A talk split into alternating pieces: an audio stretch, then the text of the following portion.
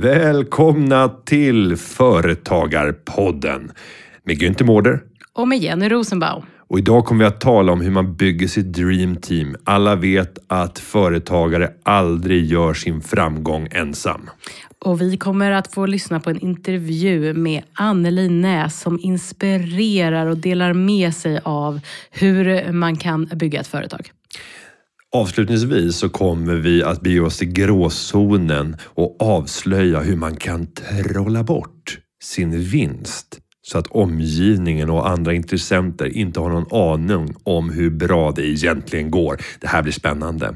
Men Jenny, det här är ju podcasten där det är lyssnarna som sätter agendan. Hur gör man för att påverka? Ja men Günther, det stämmer. Man kan göra på lite olika sätt, men man kan ju interagera genom Twitter eller genom Instagram och då har vi hashtaggen Företagarpodden med Ö. Annars kan man gå in på företagarpodden.se där vi har ett formulär där man kan skicka in sin fråga under olika kategorier. Håll den gärna kort. Med det så kan jag knappt bärga mig. Jenny, nu säger vi... Nu kör vi. Företagarna. Men du Günther, vi har ju eh, pratat om ganska många ämnen här i podden. Men jag tänker att vi ska prata om olika team och hur man bygger ett framgångsrikt team. Och det finns ju, tänker jag, lite olika varianter på det här. Det, och då tänker jag först och främst att en variant är ju att du kommer då som VD till Företagarna och du eh, slängs in i en ledningsgrupp där det redan finns människor. Så du har inte valt dem själv och så är ni ett team. Och det andra scenariot som du så berätta om det är att du själv väljer, du kommer liksom som först och sen så väljer du in ditt team. Hur ska man tänka i de här två olika scenariosen? Ja, och det är väldigt olika de Mm. två scenarierna. Om vi börjar med det enkla, när man själv börjar och det är ett vitt blad. De tillfällena inträffar ju i princip bara Mm. A- när du, aldrig. jo, men när du startar, Jo, man startar ditt för- eget ja. Mm. företag från grunden.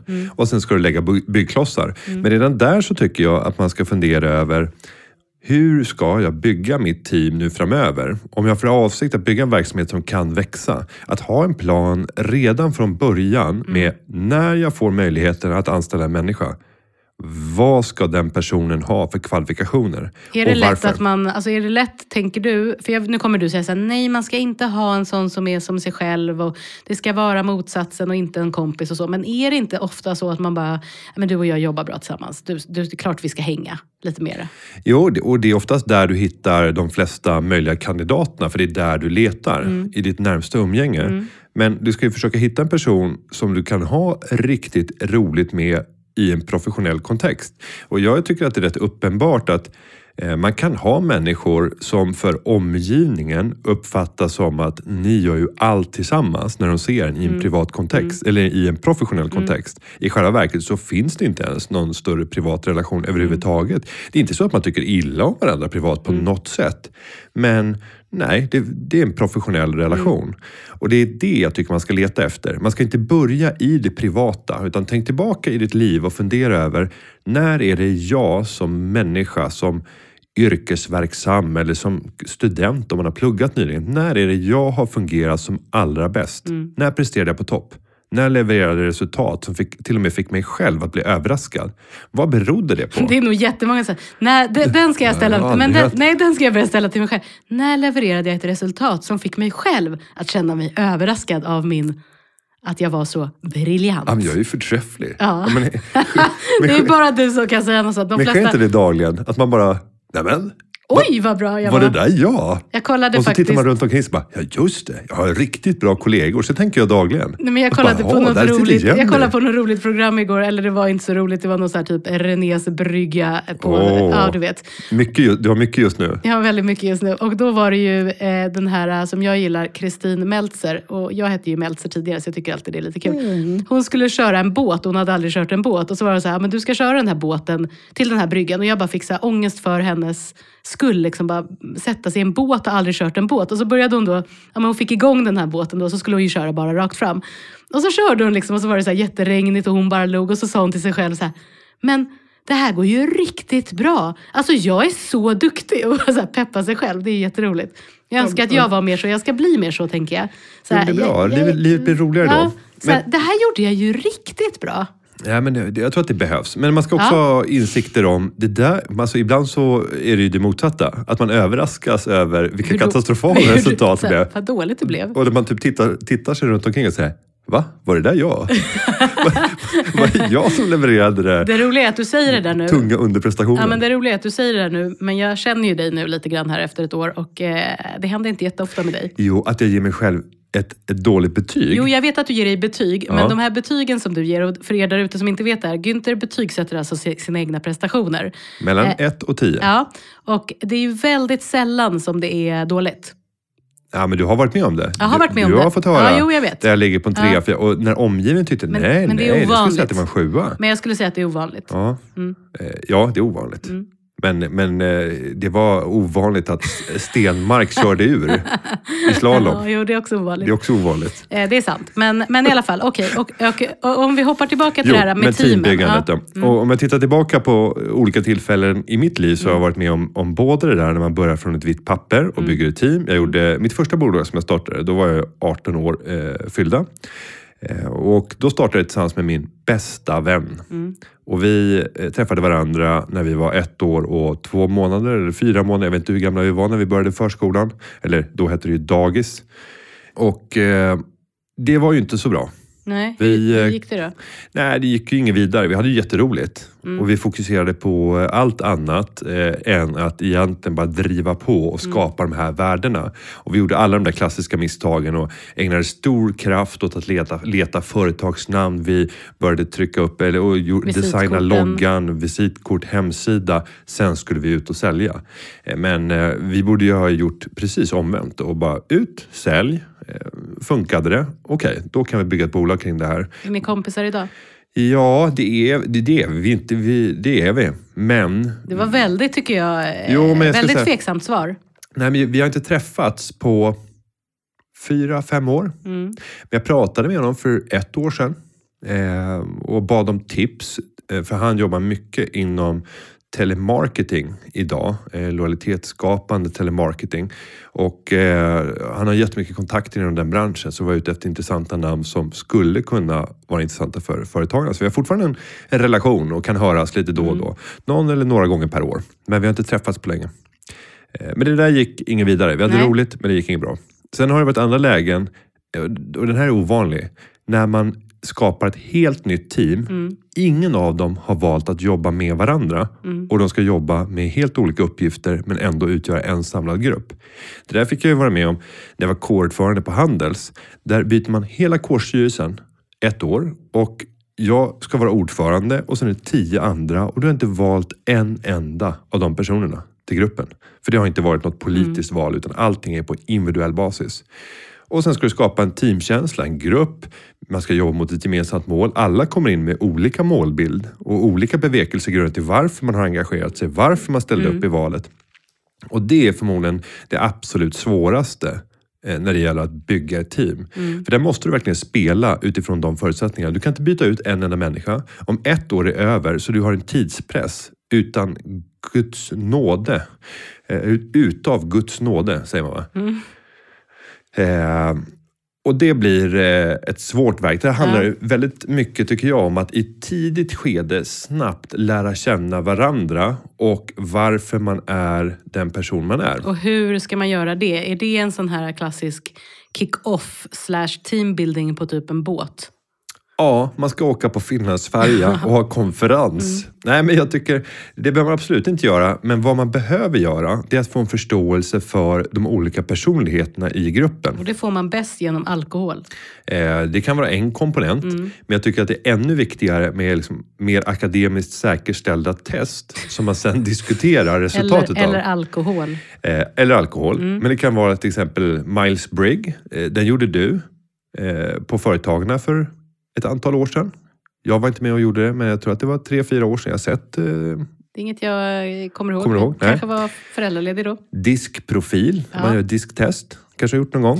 Gjort sådana här färganalyser? Ja, ja, eller disk, såna, det är ofta aha, färg- Ja, ja. färgbaserat. Om man är blå eller röd eller grön. Jajamensan. Mm.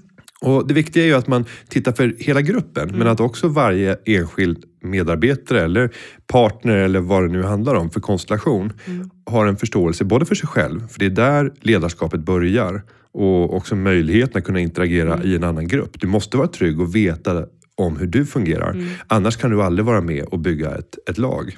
Och i ett team, eh, vad ser du dig själv som? Eh, om man nu bortser från att du är briljant, vilket du själv tycker. Men vad är... Men också mycket dålig på Mycket, andra mycket- saker. Ja, och då är det Ja. intressant för lyssnarna tror jag att veta. För briljant och att man liksom, men vi har pratat om att du är duktig på att mm, liksom spruta ut många idéer och så vidare och att du är sämre på det administrativa. Alltså det där är ju liksom, det vet vi nu. Mm. Men vad, jag tänker lite mer större. Är det no, i, I ett lag där man liksom Ja men typ le, era ledningsgruppsmöten, det hade jag velat sitta med på. Alltså som en liten fluga i hörnet. Och bara du vet så här, vad hände? Vem sa vad? Hur interagerar de? För att en ledningsgrupp har ju alltid ett ansikte utåt. Sen är det ju inte riktigt så alltid det går till på möten. Nej, och det skulle jag nog säga att eh, min uppgift är att ha ett helikopterperspektiv och försöka se längre än alla andra. Alla som sitter med ett verksamhetsområde eh, sitter och stressas av kortsiktiga leveranser i förhållande till mig som, som VD. Eh, och sen så har man sina medarbetare till sitt förfogande. Och det är en ständig stress över att liksom ta steg framåt för att kunna rapportera att vi, vi, vi rör oss i Ja. rätt riktning. Medan jag ska försöka på något sätt samordna det här och se till att vi rör oss i Mm. ett tempo som gör att vi inte kommer i otakt i olika delar av organisationen. Så att jag måste ju peka ut den här riktningen som underlättar för varje chef att fatta de här små besluten varje vardag. Vi fattar mängder av beslut som kommer att få väldigt stora konsekvenser när vi ut, utvärderar alla beslut som har fattats. Mm. Men varje enskilt beslut känns som att det kvittar. Men det kan vara det här lilla beslutet om det ringer i telefonen och man svarar och det är en medlem som är arg. Mm. Hur agerar vi i det läget? Det har jag varit med om ibland. Ja, och även då när man ringer in till rådgivningen. Mm. Ja. Och då så här, hur agerar vi i det här läget? Och om man då har för ögonen och funderar över vad är det vi ska åstadkomma? Vad är den långsiktiga bilden? Mm. Vi ska skapa fler framgångsrika företagare. Mm. Företagare ska få möjligheter att utveckla sin verksamhet och nå sina mål, säger vårt syfte. Då ska det finnas för ögonen hos varje enskild medarbetare så att man i det läget funderar över hur kan jag hjälpa den här arga medlemmen att bli framgångsrik? Just nu så låter det som att han inte betraktar sig själv som framgångsrik utan det är något problem. Och inte heller oss som framgångsrika kanske. Nej, kanske inte. eh, men då gäller det att försöka hitta vad är det personen inte uppfattar som, som acceptabelt i leveransen. Vad annat kan vi komplettera med? Hur kan jag reparera det här? Och hela tiden sträva mot det syftet.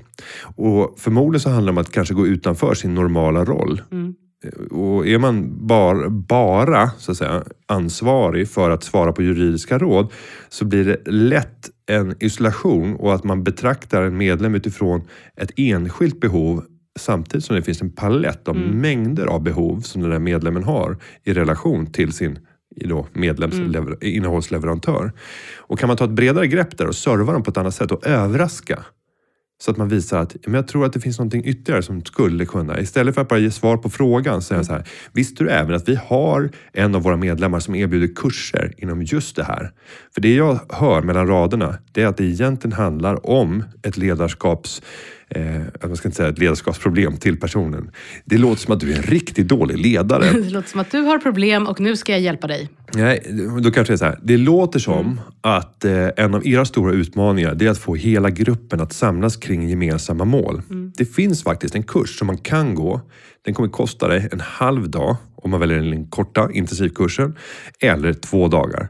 Eh, Vi har många som har gått den kursen och eh, de har fått ett snittbetyg på 4,6 på en femgradig skala. Eh, Vill att jag skickar information om det här? Jag gör det. Du behöver inte säga ja, så får du göra vad du vill med den. Men den här är väldigt uppskattad och min analys är att du kommer kunna skapa väldigt stora värden tillsammans med din grupp om du kan få de andra att förstå värdet av att gå i den här riktningen. För du har redan förstått det. Det gäller att hela tiden smörja och göra ber- berömmet men på ett snyggt sätt förklara att det finns lösningar. Vi kan servera annat. Eh, vi flummar allt ut. Det har vi gjort nu. Eh, Det har vi gjort lite. Ska vi komma tillbaka till Att bygga team. Ja, lite flera punkter? Alltså ta ett par stycken. Nej, men om, Sen får det räcka Günther. Ja, nej, men om, Ja. vi, om vi då går tillbaka till den situationen där jag pratade om att göra Miles Briggs Mm. test eller diskprofil. Ja, men då får man en kartläggning över gruppen och kan se åt vilket håll tiltar vi. Har vi Mm. väldigt mycket känslostyrda människor? Eller är det väldigt många som är leveransmänniskor eh, som måste se fysisk, fysiska resultat i ett kortsiktigt Men perspektiv? kan det inte vara tänkande? svårt så här, ja, men du är röd, nu kommer inte jag ihåg vad de här färgerna står för, men så här, du är känslomänniska, du är inte det, du är en kall person, du är så här, ah, okej, ja, vad gör vi med det här då? För att folk har ju ändå svårt att se sig själva ibland. För det. Alltså, alla människor är ju inte så klarsynta med sina Nej. personliga egenskaper. Men, men där behövs det ju andra verktyg där det kommer till exempel ett litet case och det där Mm. finns gratis på nätet där du kan få se ett, ett förslag på ett case Mm. eh, där det står så här följande har inträffat. Sen ger de ett case och sen finns det ett antal olika Lite alternativ. Ja, Mm. och sen så får man då bedöma vad är det som kommer att hända Mm. vid det här läget. Hur kommer de som är kritiskt logiskt tänkande att resonera? Mm. Hur kommer de att vilja gripa an den här uppgiften? Jo, de kommer vilja samla in data, de vill ha ett statistiskt underlag som säkerställer, är det här verkligen ett problem att folk mår dåligt på jobbet? Den som är känslostyrd kommer att börja fundera över vad kan vi göra här och nu? Vi måste ta hand om de som mår dåligt. Kan vi identifiera det? Kan vi inte bara bara samla alla för ett Sjunga- stort, stort samtal. Sjunga tillsammans. Och det är bättre att vi bara tar stopp i produktionen nu. Mm, bara för att Eh, lösa bara det här. för att lösa Mm. det. Och så, eh, för, för vi kan inte producera någonting. Utan det är bättre att vi, vi tar fram madrasserna och bara sätter oss i en ring och pratar ut om det här. Eh, och så den som är driven av leverans, men den vill göra ordning en projektplan och se okej, vilka eh, åtgär- åtgärder vidtar vi? Tänker kanske inte fullt ut kritiskt på liksom, all statistik och vad som ska till utan vill bara ha de här checklistorna för att jobba vidare och så vidare in, in, i, in i kaklet. Så det kommer bete sig på olika sätt och beroende på hur gruppen är balanserad så kommer olika sidor att bli olika dominanta. Väldigt ofta när man har ett företag som består av flera olika verksamhetsområden med olika typer av uppgifter. Där är företagen ett typexempel. Vi har en avdelning som jobbar med analys och opinion och politiskt arbete. Väldigt mycket politiskt utredningsarbete. Det är väsensskilt i många avseenden mot att sitta i marknad och säljfunktion. Det är också väldigt annorlunda om man sen kommer vidare till stödfunktioner som sitter med IT-support, med eh, ekonomifunktionen ehm, och den typen av stödjande delar av organisationen. Eller över till en eventorganisation eller en specialistrådgivning. Det är väldigt stora skillnader mellan de här grupperna. Och det där är kanske den största utmaningen för mig idag i ledarskapet. Att kunna få ihop de här grupperna och enas kring ja, men vad är det övergripande målet. Så därför måste jag satsa väldigt mycket på de här mjuka värdena om att måla bilden. Ta en, en eh, stolpe med en flagga på och sätta ut den om fem år. Hit ska vi. Och det är det jag har försökt göra internt när jag pratar om min visionära berättelse om vart Sverige är på väg. För Sverige blev det fantastiska land som vi är tack vare alla fantastiska företag som startades på 1800-talet och växte. De startades av en enskild människa. Om Sverige ska fortsätta vara ett land i topposition så krävs det att de här enskilda människorna som finns idag får den möjligheten som krävs för att kunna skapa Sveriges framtid inför morgondagen. Vackert.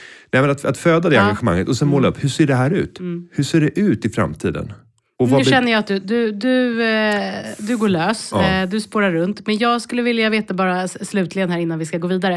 Eh, för vi, om vi tar då företagarna som vi ändå har tagit som exempel nu, där vi har faktiskt väldigt många olika avdelningar och det är svårt att få ihop alla för att känna att man är ett team för ett gemensamt mål för att det är så pass olika inriktningar.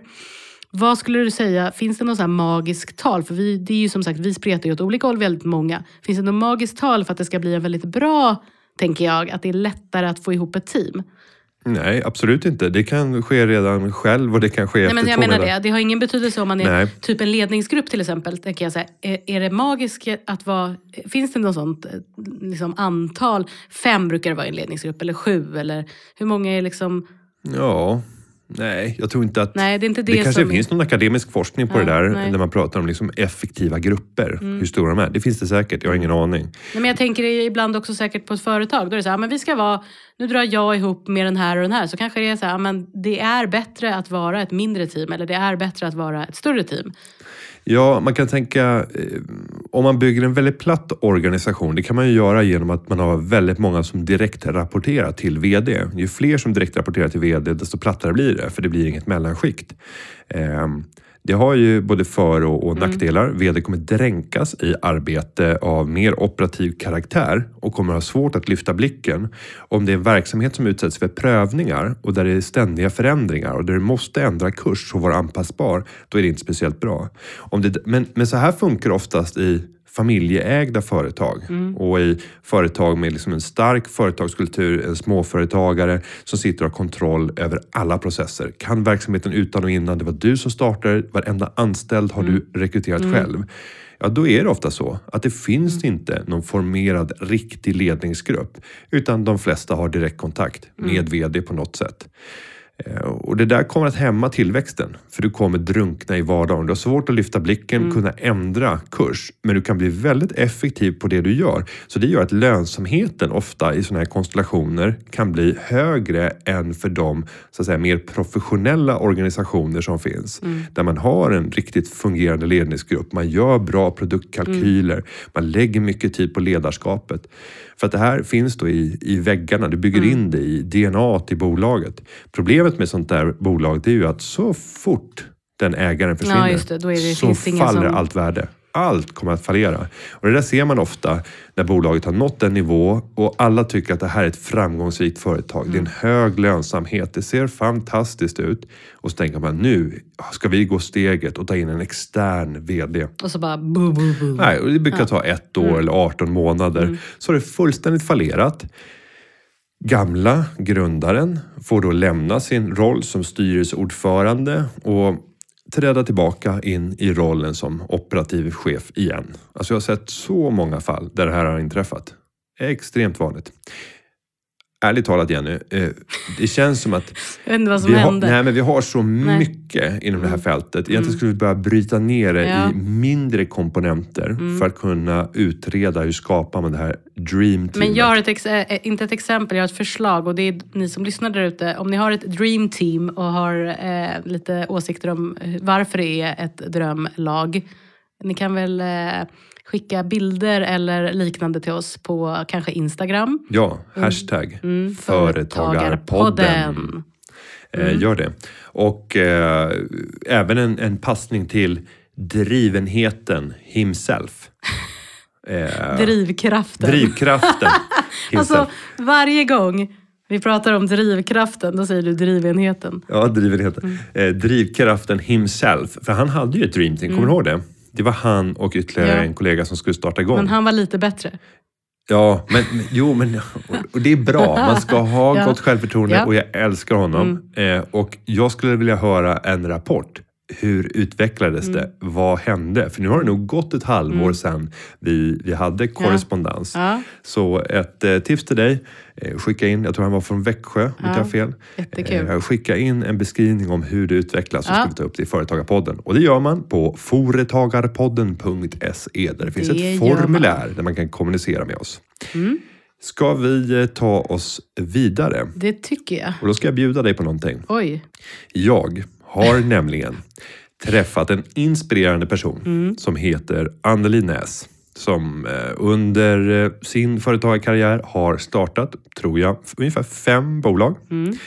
Hon är fortfarande ung. Hon är Drivkraften. drivkraften herself. Ja.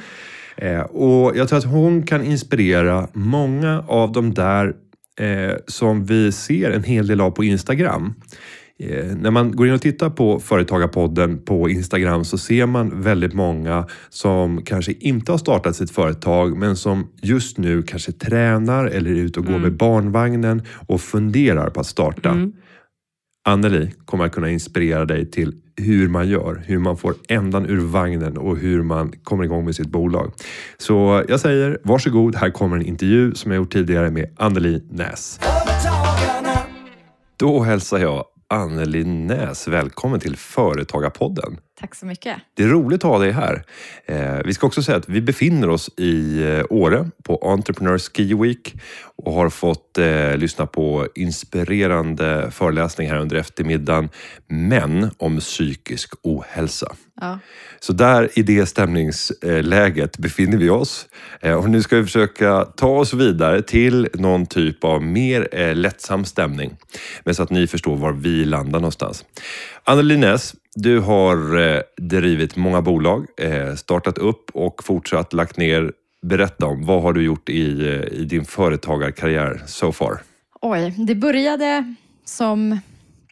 Bolagsmässigt började som 17-åring med ett UF-företag. Och det var nog starten till allt. Hade jag inte drivit UF-företag vet jag inte om jag hade blivit företagare. Men det var en, eh, det var en guide som vi skapade då. Den hette Nödguiden. Och vi hjälpte våra fellow students, eller liksom våra eh, klasskamrater, att veta vad de ska tänka på innan de ska ut och resa, under tiden de reser och om någonting händer, vad man ska tänka på efter man har kommit hem. Eh, och egentligen var det ju bara eh, en ursäkt för våra föräldrar att veta att vi visste vad vi skulle göra när vi sen skulle ut och resa. Men eh, vi sålde 700 exemplar på ett år och fick oss varsin bärbar dator. Gott. Ja, Eh, Och prismodellen för en sån här, var det en fysisk produkt? det var en fysisk produkt. Ja. Det var på den tiden. Jag satt och lärde mig liksom hur man ens designade en fysisk produkt. Om du kollar på den idag så då vet man att det var nog inte det vi skulle göra vid den tiden. Men det var en fysisk broschyr. Eh, vi hade så smart affärsmodell så vi sålde in annonsplatser eh, på fram och baksidan, vilket finansierade hela tryckningen av produkten. Och sen så all försäljning gick ju då rakt in i vår kassa. Perfekt. Och eh, vad kostade produkten? Jag, kanske 70 spänn. Ja, ja, så Ja. Det, var, det var ändå en betydande summa. Jag, jag är gammal tidningsredaktör, men vi Ja. sålde tidningen för fem kronor numret. Ja, Eh, Så att vi, ja, vi tävlade inte riktigt på samma kommersiella villkor som övriga tidningsbranschen på den tiden. Men där började det. ja Eh, där började det. Sen fortsatte det. Vad blev det då? Eh, mitt andra företag, det var faktiskt, jag drev, det första företaget var med tre tjejkompisar och eh, när jag hade gjort det, gått ut gymnasiet så kände jag så här, nej men alltså jag behöver nog lära mig hela den här, eh, allting som de gjorde i företaget. Så jag ville starta någonting eget och eftersom jag hade tävlingsdansat hela livet så var det en dansfirma. Så att i Stockholm, eh, som nyinflyttad stockholmare, för jag kommer från Piteå, så eh, såg jag till att alla mina danskompisar utbildade, jag bara drog in folk till kurser och så sen så lärde jag mig allting som är företagande i form av bokföring och administration och betala ut löner och eh, insåg att det inte är den delen av företagande man vill kunna. Mm. Men eh, det var ett fantastiskt år. Sen efter det så, så provade jag faktiskt vara anställd i några år, så den delen skippar vi. Eh, och till slut så var det dags att, starta resan igen och då var det som konsult. Lite så här, man har ju lärt sig väldigt mycket när man har varit anställd och det kan jag faktiskt konsultas om. Men jag hade en liten så här, känna att jag ville ju ha någon typ av produkt också. Så jag startade konsultverksamheten, fick in några kunder och sen så på sidan om så startade jag faktiskt ett företag som sålde begagnade barnkläder. En ganska tuff marknad. Eh, särskilt om man inte har barn. Ja, Inte vet... Du vet känslan när du håller upp ett plagg för en liten person och inte ens vet hur man ska sätta på det på den Nej. personen. Då är det jättelätt att beskriva. ja. Ja. Eh, det har jag lagt ner idag, men vi kommer säkert tillbaka till det. Och eh, nu, förutom faktiskt att jag har kvar konsultlådan, så driver jag ett bolag som hjälper företag att mäta marknadsföring. Mm. Så att eh, det är väl, om man räknar, om man inte räknar att ett var ett enskilt bolag som vart ett aktiebolag, så är det väl fem bolag. Ja. Och, och eh, om vi går tillbaka till konsultdelen. När du valde att lämna anställningen och den trygga vardagen. Eh, vad var triggern och hur såg livet ut det första halvåret som, som fristående konsult? Nu, dels så, så kan man säga att jag hade lite erfarenhet av att driva företag, så jag visste ju att jag tyckte att det viktiga var ju att få in kunder. Så att dag ett så var jag belagd 100 procent. Wow, det är ju ganska ovanligt va? Det är väldigt ovanligt. Och det var jag de två första månaderna och sen var jag belagd eh, 50 procent året efter. Ja. Eh, Så att jag hade kanske inte den här eh, normala otryggheten. Men då hade jag ju å andra sidan jobbat väldigt hårt vid sidan om mitt jobb för att kunna veta att den dagen jag börjar, då är kontrakten på plats, kunderna är på plats och jag kan liksom eh, få min trygghet. Så du hade redan börjat företagsuppstarten under din anställning. Du hade hittat dina kunder. Jajamän. Ja, vi, det här är en parentes, det säger vi inte till förra arbetsgivaren. Absolut Nej. inte. De hör ingenting. De Nej. lyssnar definitivt inte på den här podden. Nej. Och de förstod nog inte det heller när jag började dagen efter med två kunder på heltid. Nej. Nej. och det, och det, vi pratade i tidigare avsnitt här om att ta med sig kunder. Var det här kunder som fanns? Nej. I, nej. De var helt eh, nya. Så det började egentligen... Alltså någonstans så inser man ju som anställd att eh, om, om man nu har den här önskan att bli egenföretagare, att eh, det kommer inte gå på en dag om man inte är extremt spontan, vilket jag inte var. Och så hade man ju lite trygghet och sådär. Och sen, så det är ju liksom en process. Och det som hände i den processen var att jag började egentligen berätta för folk att jag tänkte göra det här. Så att jag gjorde inget cold call eller någonting, utan allt kom från att folk hörde talas om att jag skulle bli egen och ringde upp mig. Och sen så lyckades jag på luncher sälja in till de här kunderna som, som folk berättade sökte någon med min kunskap. Och det låter ju väldigt praktiskt och väldigt enkelt, men i själva verket så finns det ju en metodik i ditt sätt att marknadsföra dig och i ditt sätt att vara som förmodligen var otroligt effektivt. Definitivt. Eh, Men kanske inte helt medvetet. Nej men så tror jag nog, jag kan säga att delar av det var medvetet men väldigt många var nog inte medvetna. Men det handlar ju hela tiden dels om att eh, om man ska bli konsult så handlar det väldigt mycket om att eh, göra andra medvetna om vad man faktiskt är bra på. Och där hade jag ju redan som anställd fått börja resa med att föreläsa om det jag gjorde för att vi hade redan jag hade väl varit en intraprenör som, som, är, som anställd och var med och släppte Sveriges tredje första responsiva e-handelsplats för ett herrans massa år sedan. Och det ville ju folk att jag skulle komma och berätta om, så det var ju ett sätt att bygga ett personligt varumärke utan att på den tiden ha det som mål, men folk visste ju det någonstans. Så det handlar ju om att inte kanske bara prata om vilken den senaste biofilmen är man har sett på tv eller så när man träffar sina vänner och bekanta, utan kanske skryta. Lite mer rakt på. Ja. Men du har ju då skaffat dig massor med erfarenheter när det gäller hur man ska starta, komma igång med ett bolag. Jag vet att det är många av lyssnarna som just sitter med de frågorna. Eh, hur ska man gå tillväga? Vad är det man ska tänka på? I vilken ordning ska man göra saker? Eh, vad har du för erfarenheter som du kan dela med dig av för att ge en bättre svung vid en uppstart åt eh, någon av de som lyssnar? Alltså mitt bästa tips är att börja alltid med att få in kunder. Och det är egentligen oavsett om det är ett barnklädesbolag eller om det är en konsultverksamhet eller om du vill bygga en IT-produkt eller oavsett vad du vill göra. Om du vill hålla danskurser. Det, det viktigaste är kunderna. För, för det första, det som händer om du har en kund är ju att du validerar din idé. Du får en trygghet i att det är inte bara någon som berättar att de tycker att den idén jag har är bra, utan de faktiskt committar till att köpa det. Och redan där har du kommit liksom 70 steg på formandet av din affärsidé. Du behöver inte skriva någon affärsplan än. Kanske lite senare. Men så länge du har liksom sålt in någonting till en kund och har en kund, då är du på gång. Så att jag skulle alltid säga börja där.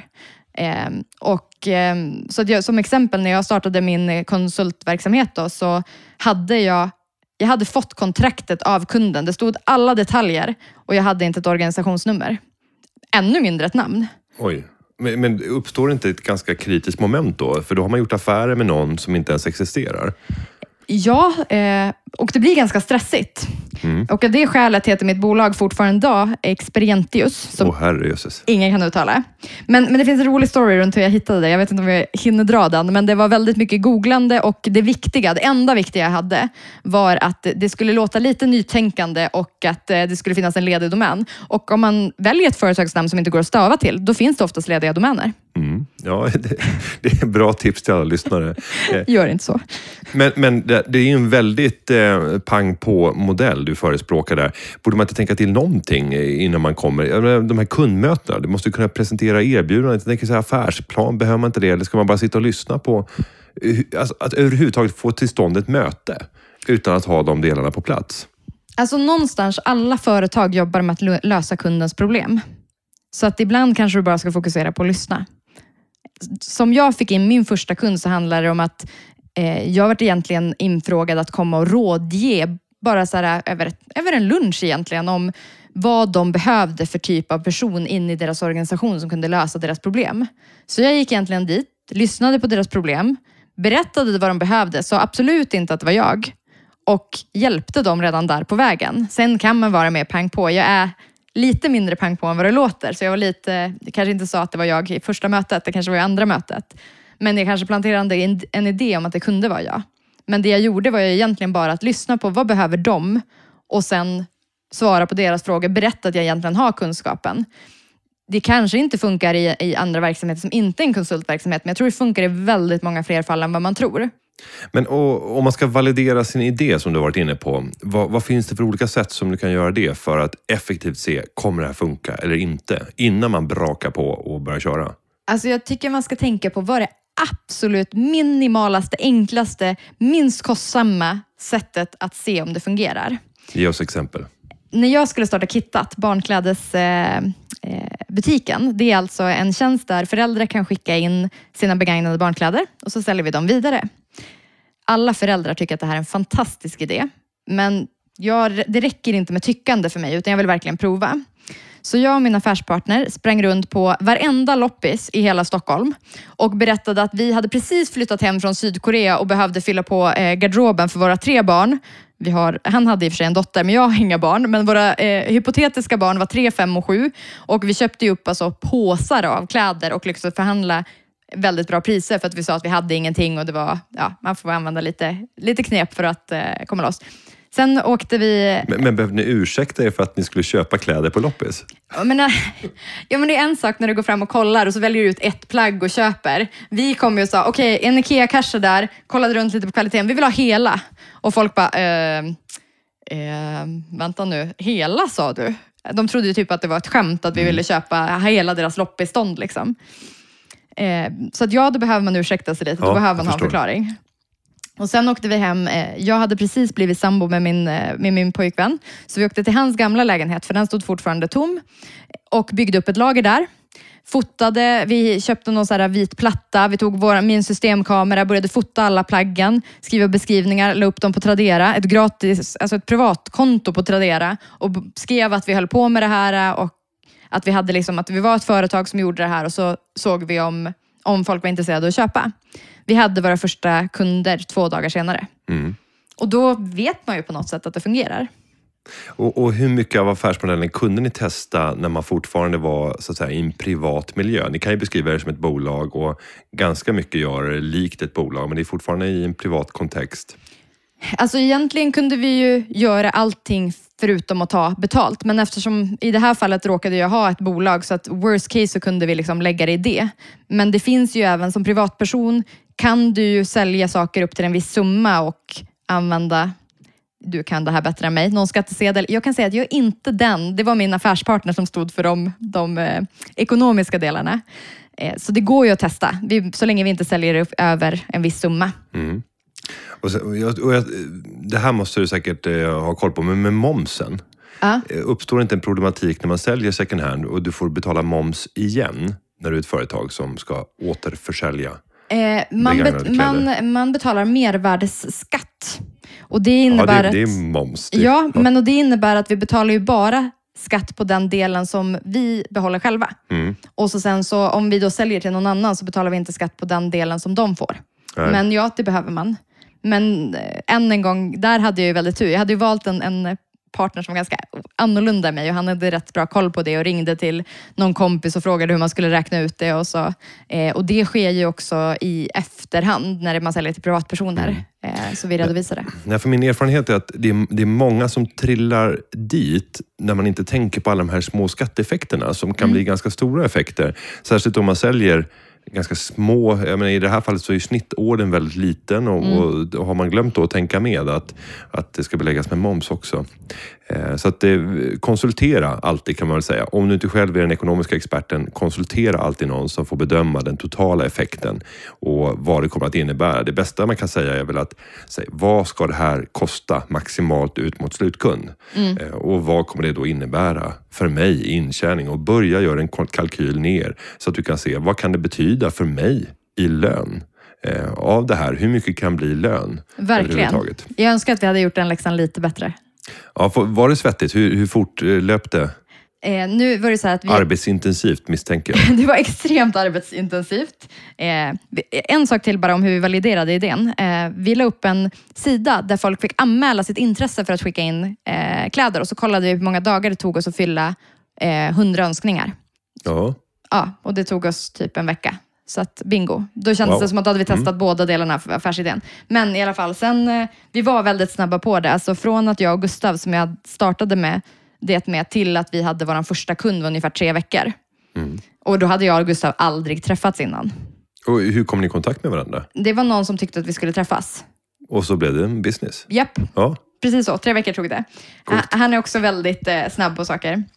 Men till saken hörde, vi hade väldigt tur när vi startade det bolaget, för jag hade dels min konsultverksamhet och han eh, var på ett avgångsvederlag.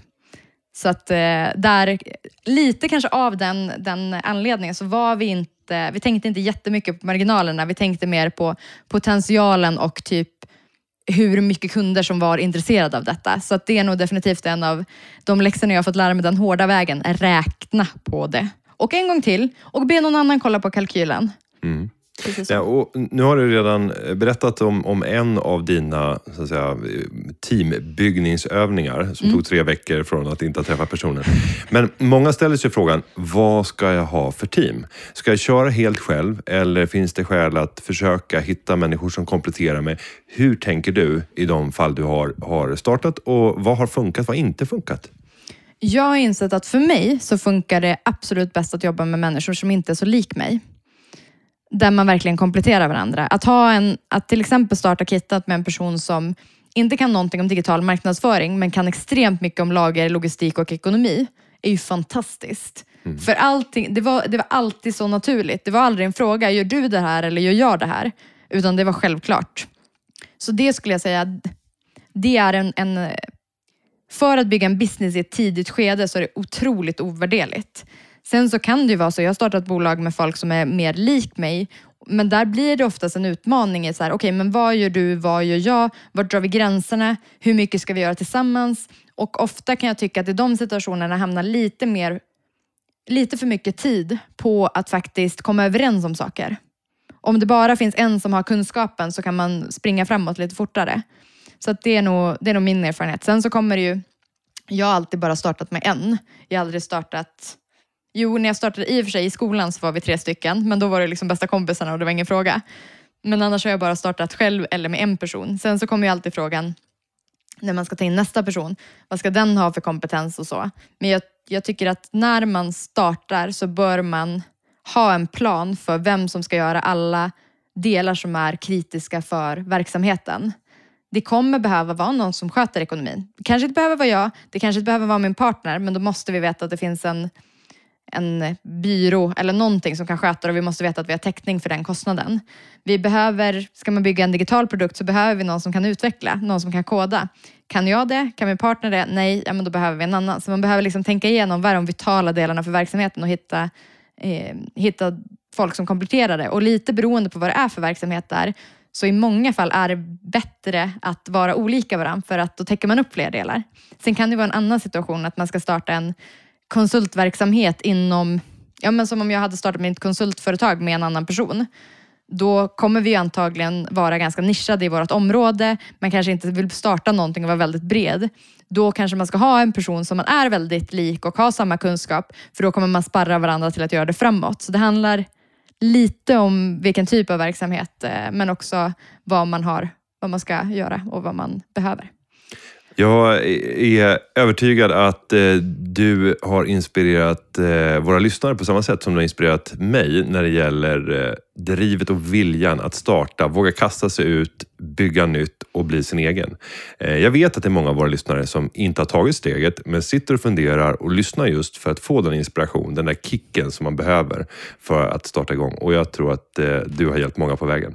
Jag hoppas det. Jag vill säga stort tack till Anneli Näs för att du kom till Företagarpodden. Tack så jättemycket. Och där är vi tillbaka i studion i Stockholm, Rådmansgatan 40. Företagarnas kontor. Välkomna. In i skrubben. Tack. Ja, det Vi har, faktiskt... vi har fönster i skrubben, men det känns som ett källarfönster. fönster? Jaha, där Ja, det, ja, uppe. du, du ser aldrig det, Nej. för att du sitter på fel sida. Men det finns alltså ett smalt, smalt fönster högst upp i taket. Ja, nej, jag ser ju sällan det.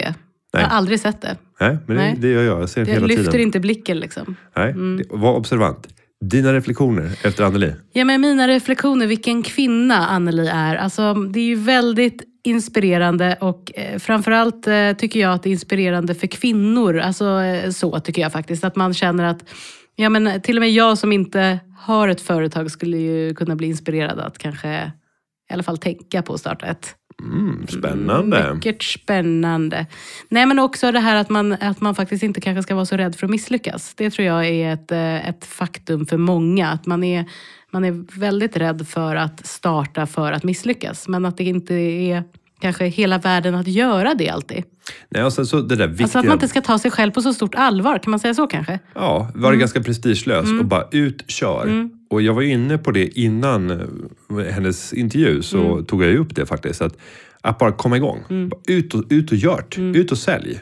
Eh, Det där misstaget som jag själv gjorde, att ägna alldeles för mycket tid åt att göra saker som egentligen inte kommer skapa värde. Ut och sälj, ut och träffa kund. Finns det en affär?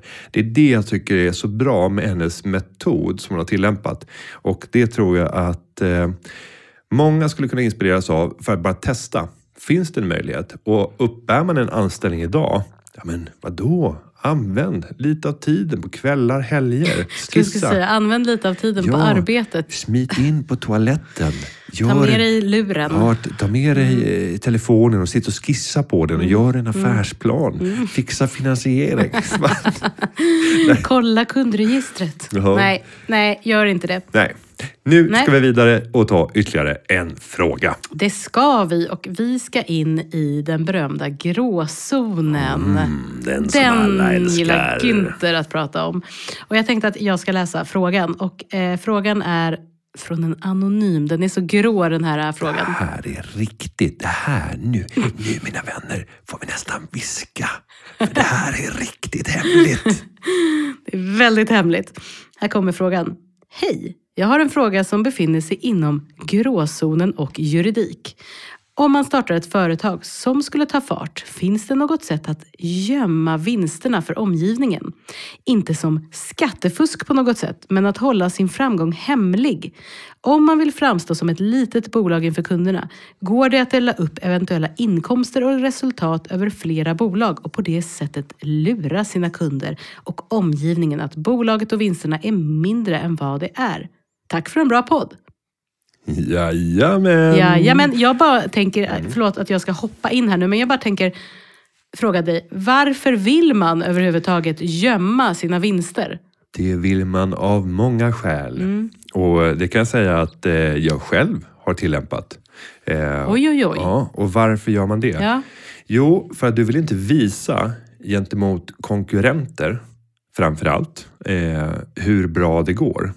Eller för potentiella aktörer hur mycket pengar man skulle kunna tjäna på att ge sig in i den här branschen. Men om man då vill eh, dölja vinsten, alltså det jag tänker på rent juridiskt snabbt eh, bara sådär, det är ju att man har uppdelat ett dotterbolag eh, och ett moderbolag och att eh, modern eh, äger då såklart dottern och att man för över vinsterna från dotterbolaget, som i det här fallet då är det aktiva bolaget, att man för över vinster hela tiden till moderbolaget eh, i form av antingen koncernbidrag eller utdelning beroende på hur mycket, eh, hur mycket moden, hur stor procent moden äger. Utmaningen med det, Mm. det är att vi på rörelsenivå fortfarande kommer att se exakt hur Mm. Man kan lönsamt se, det här bolaget man kan är. se, och man kan se mo- moden. Men jag tänker att då har man i alla fall kanske, de flesta kanske inte går in på och gör den typen av grundlig undersökning. Nej, men om jag tittar på eh, företag eller organisationer Mm. som jag har tittat på som vill dölja vad man använder pengarna till. Mm.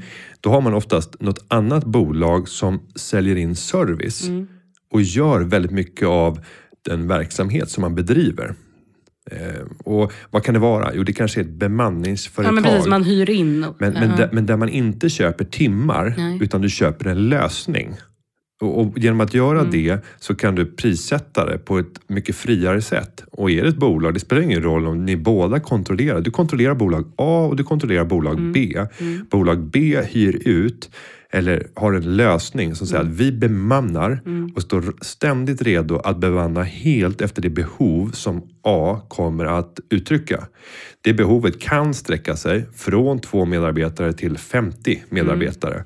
För den här servicen får vi betala. Ja, och då anpassar man ett pris för hur mycket pengar som ska föras över. Rent skattemässigt så kommer det här vara helt neutralt.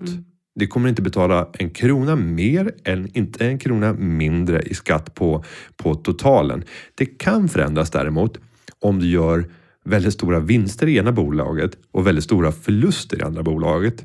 Eh, Då blir det ett problem. För då kommer vinsterna att beskattas men du kommer i grund och botten inte att kunna få tillbaka massa pengar på skatterna utan det, där blir det en periodiserande effekt där du får göra vinster utan att, att du behöver betala skatt för att ha en upparbetad negativt resultat. Så det är nästan det bästa. Att hitta saker, skapa flera bolag, skapa en förvirring genom vilka som erbjuder helheten. Inget bolag självt kan leverera helheten. Och så döper du det andra bolaget där du har kanske den högsta vinsten för någonting som är helt ovidkommande för den ursprungliga För att rörelsen. inte kunna hitta Nej, för någon, kopplingen. en person kan alltid hitta att det är du som sitter som befattningshavare. Men det är faktiskt så att även om du är 100% ägare så behöver inte du stå som ordförande eller, eller registreras som VD eller styrelseledamot. Du behöver inte det. Man gör det lite svårare helt enkelt när man gör själva undersökningen. Ja, Alltså, du, du kan sätta familjemedlemmar på hela, eh, i styrelsen och du registrerar ingen VD. Sen i själva verket är det du som kontrollerar 100% av bolaget. Det är du som styr allting. Och på så sätt så kommer nästan ingen hitta att det är du som faktiskt är, är eh, den som drar in de här pengarna. Så att det är nästan det Ja. enklaste. Ja. Med det Jenny, så ska vi säga tack för idag. Mm, tack, tack. Tack och hej. Vi tack, hörs nästa hej. vecka. Det gör vi. Hej svej hej. Företagarna. Ja, ja, ja, ja, ja, ja.